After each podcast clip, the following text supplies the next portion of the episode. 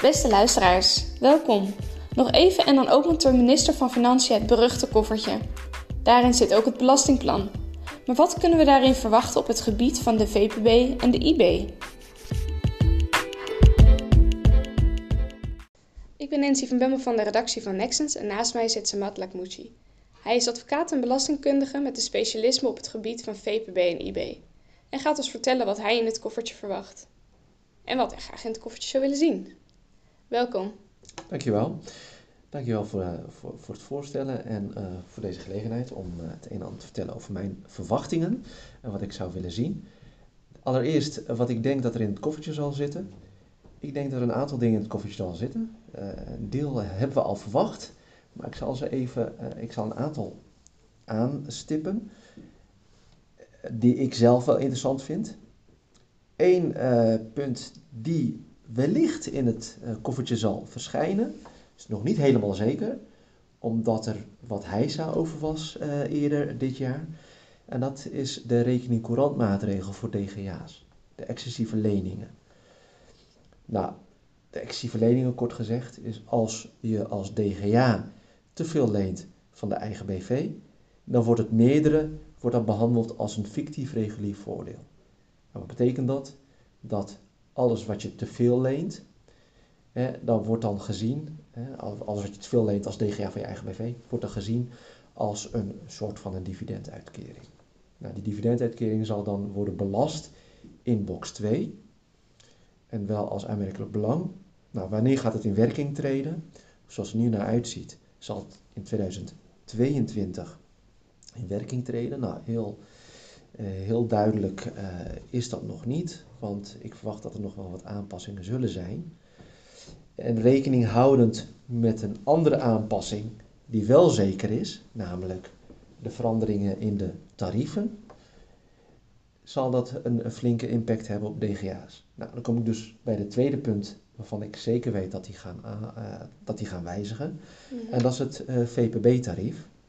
Het VPB-tarief, zoals dat nu in de wet staat, gaat dat in 2020 en 2021 voor winsten vanaf 2 ton gaat het om, um, um, omlaag naar 22,55% en 20,5%. dus in 2020 naar 22,55% en 2021 naar 20,5%.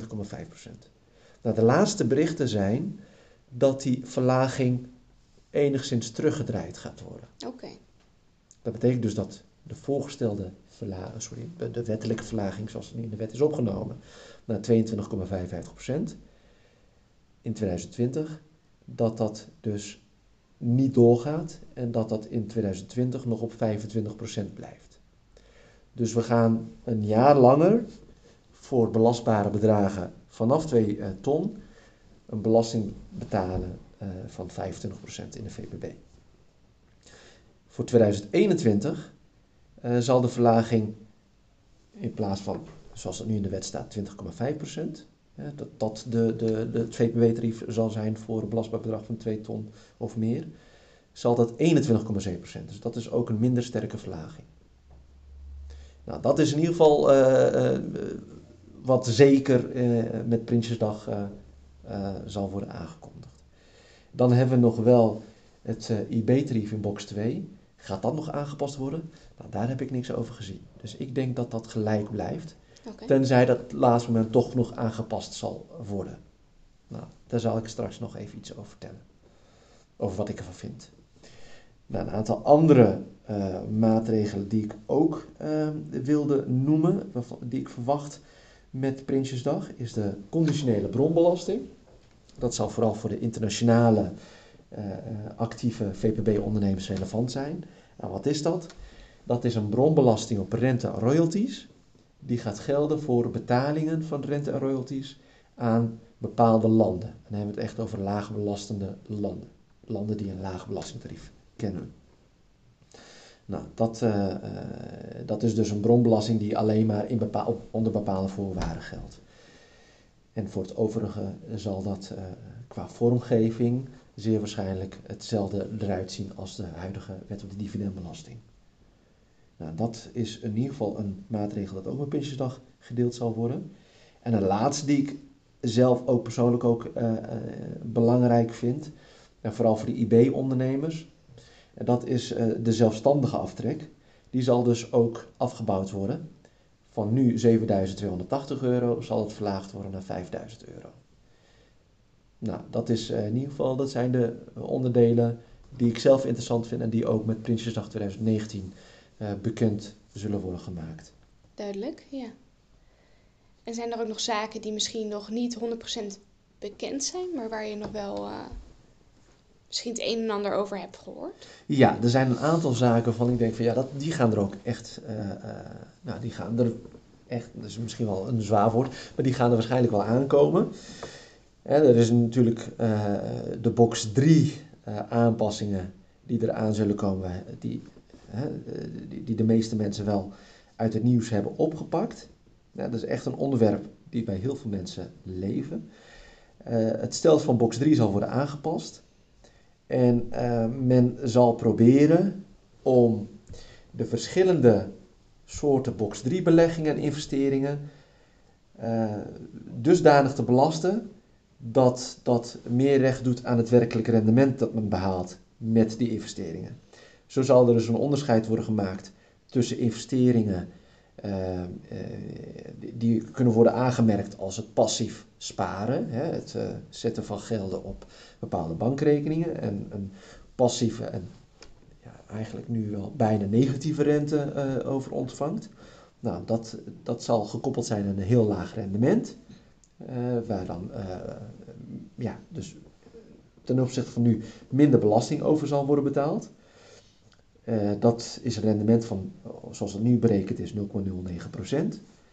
Voor een tweede categorie investeringen, namelijk beleggingen, dat zijn eigenlijk alle beleggingen die geen, uh, dat geen passief sparen is. Dus zelfs obligaties, waar ook een heel laag rendement, werkelijk rendement op wordt behaald. Ook die zullen uh, ja, voor, de, voor de belastingheffing tegen een hoog rendement aanlopen, namelijk 5,33%.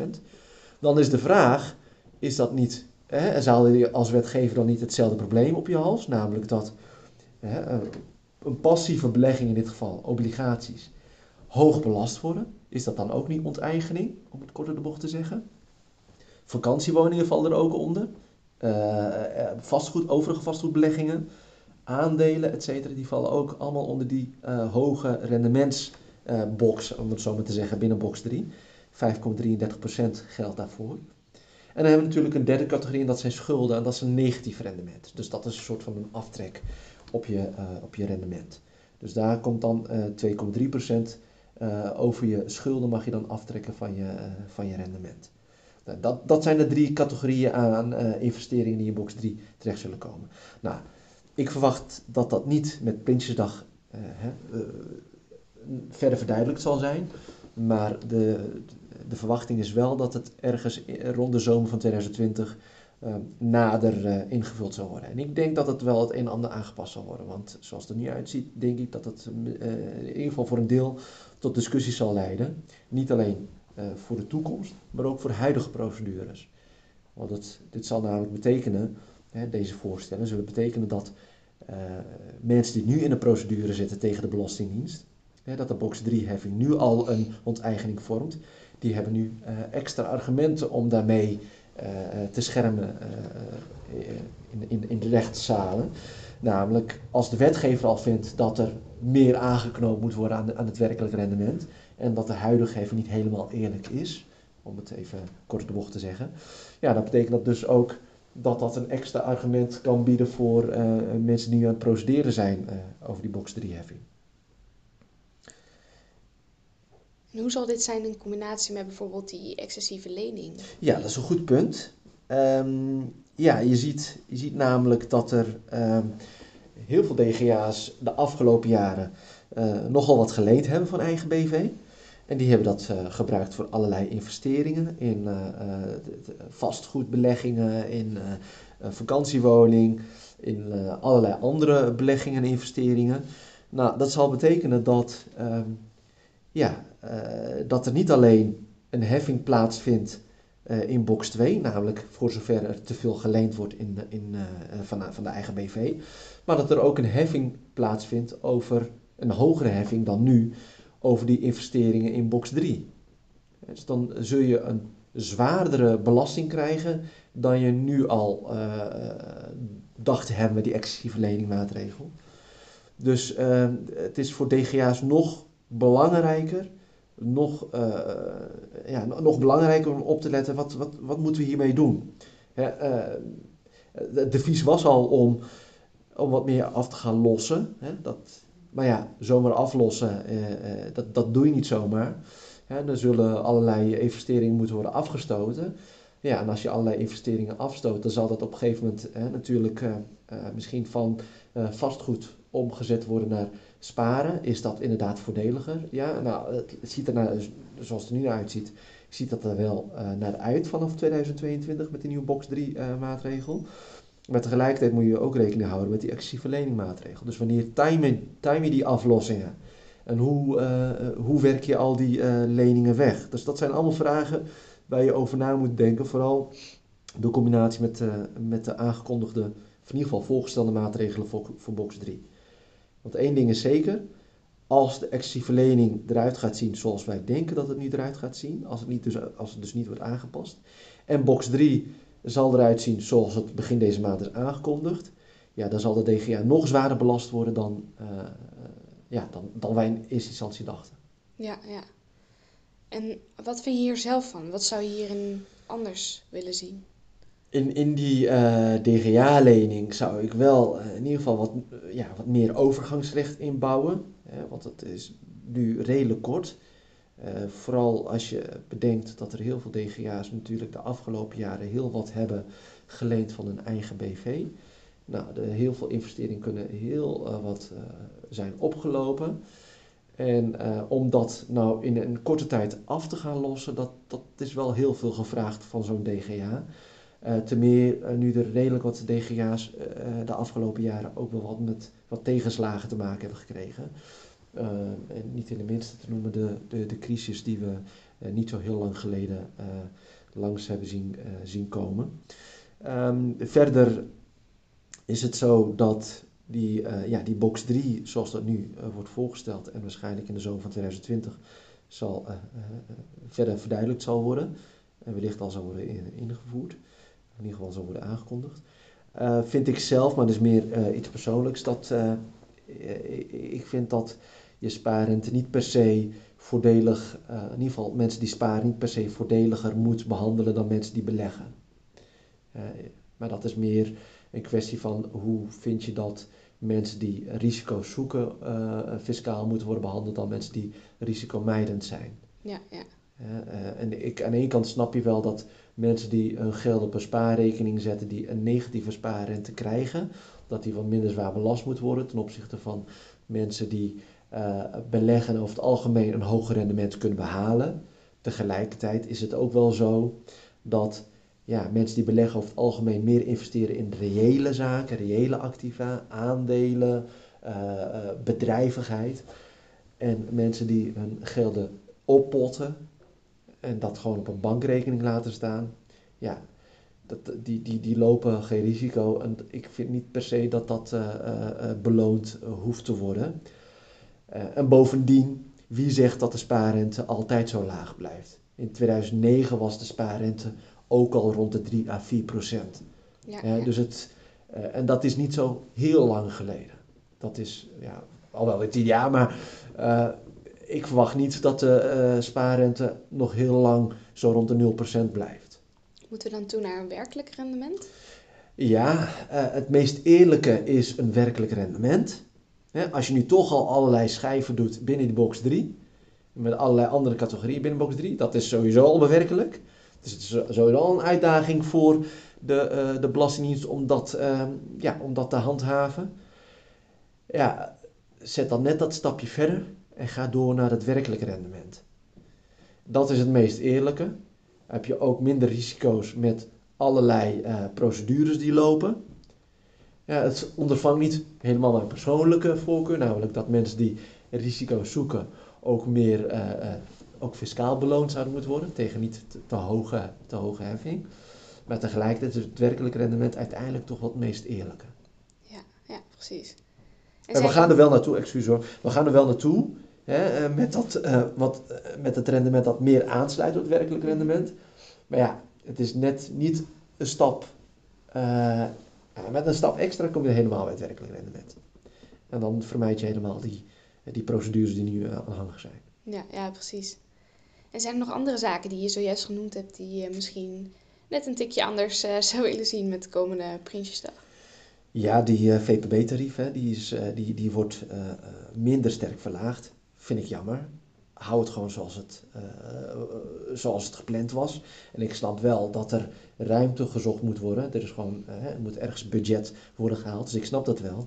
Maar als je dat dan doet, ja, verander dan ook het AB-tarief. Want als je het AB-tarief niet aanpast. Hè, het blijft gewoon uh, dezelfde verhoging als dat, als dat, uh, als dat was. En de VPB-tarief verlaag je minder sterk. Ja, dan dat is niet logisch. Nee, nee. Dus dat, dan zou in dit geval hè, die, die VPB-tarief, de minder sterke verlaging met het VPB-tarief, zou gepaard moeten gaan met een minder sterke verhoging van het AB-tarief. Juist. En een ander punt is zelfstandig aftrek. Ik vind niet dat de zelfstandig aftrek verlaagd moet worden van 7.280 euro naar 5.000 euro. Zoals, uh, ja, zoals ik hier heb gezegd tegen andere uh, adviseurs en uh, collega's. Het zelfstandige aftrek, ja, dat is dat kleine beetje voordeel dat ZZP'ers hebben. ja, om dat nu even af te pakken, vind ik ook zo zuur. Ten meer omdat ZZP'ers al onder druk staan met ehm, eh, die verplichte verzekeringen die verlangd worden van ZZP'ers. Ehm, en in feite de lastenverlichting van werknemers wordt nu wel voor een eh, redelijk groot deel gelegd op de schouders van de, ja, de zelfstandigen, de ZZP'ers. En dat is oneerlijk, vind ik. Ik vind juist dat je zelfstandigen wat meer moet stimuleren. Die hebben het risico genomen om te gaan ondernemen die zou je niet moeten afstraffen. Nee, die zou je juist moeten belonen. Want die zorgen ook voor meer bedrijvigheid uiteindelijk, meer innovatie, meer creativiteit. Het zal niet voor alle ZZP'ers gelden, maar een redelijk aantal uh, eh, MKB'ers, grotere ondernemers, die zijn ook als ZZP'er begonnen. Dus ja, dat zou je niet te veel in de weg moeten zitten. En zo'n zelfstandig aftrek, verlaging zelfstandig aftrek, ja, dat is niet de juiste weg. Nee, nee, precies. En zou je misschien zelf nog iets in het koffertje erbij willen stoppen als je het voor te zeggen had? Jazeker, uh, dat is het gebruikelijk loon.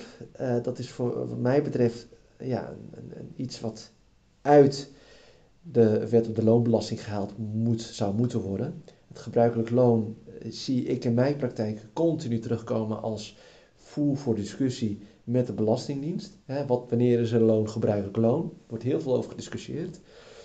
De, de bedoeling van de gebruikelijk loon is eigenlijk om belastinguitstel te voorkomen dus dat, om, ervoor te zorgen dat DGA zichzelf wel uh, een, een, gebruikelijk salaris uh, uitkeren en niet te lang oppotten.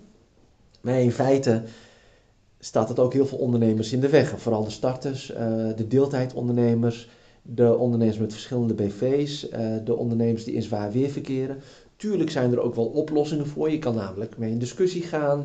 je kan met de Belastingdienst een vaststellingsovereenkomst gaan dat dat in ieder geval eh, de, de, de, eerste jaren of in, in jaren wanneer het wat moeilijker is voor de DGA om, dat, om het gebruikelijk loon wat meer te verlagen. Dat, dat is allemaal wel mogelijk, maar dat kost alleen maar meer werk.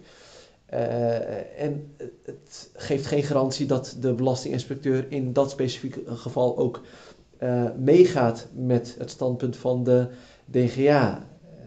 ik zou zelf zeggen, het gebruikelijk loon zou je niet moeten toepassen bij DGA's die in een BV een uh, winst behalen die wat lager is dan, ja, dan, dan je zou willen. Namelijk, nou, misschien zou je moeten aanknopen bij het omslagpunt in de VPB. Hè, dus voor ondernemers in de, in de VPB, dus de BV-ondernemers dat die tot een bedrag van 2 ton geen gebruikelijk loon in, uh, aan zichzelf hoeven uh, uit te keren, dan wel een, een, een, veel lager gebruikelijk loon.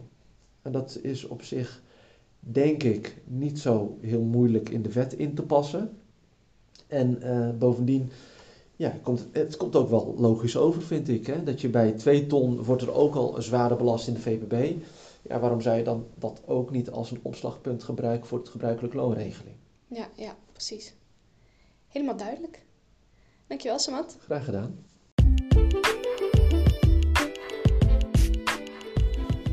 Goed, daarmee hebben we een beeld gekregen van wat er kan veranderen met Prinsjesdag op het gebied van de IB en de VPB. Maar wat er daadwerkelijk in het koffertje zit, dat wordt pas op 17 september bekend. Deze wijzigingen bespreekt Jel Lutz met Bjarne Devilé, Najat Idrissi en Sylvester Schenk op 18 september tijdens de fiscale talkshow over Prinsjesdag. Kijk hiervoor voor meer informatie over het live meekijken van dit evenement op nexus.nl. Graag tot dan!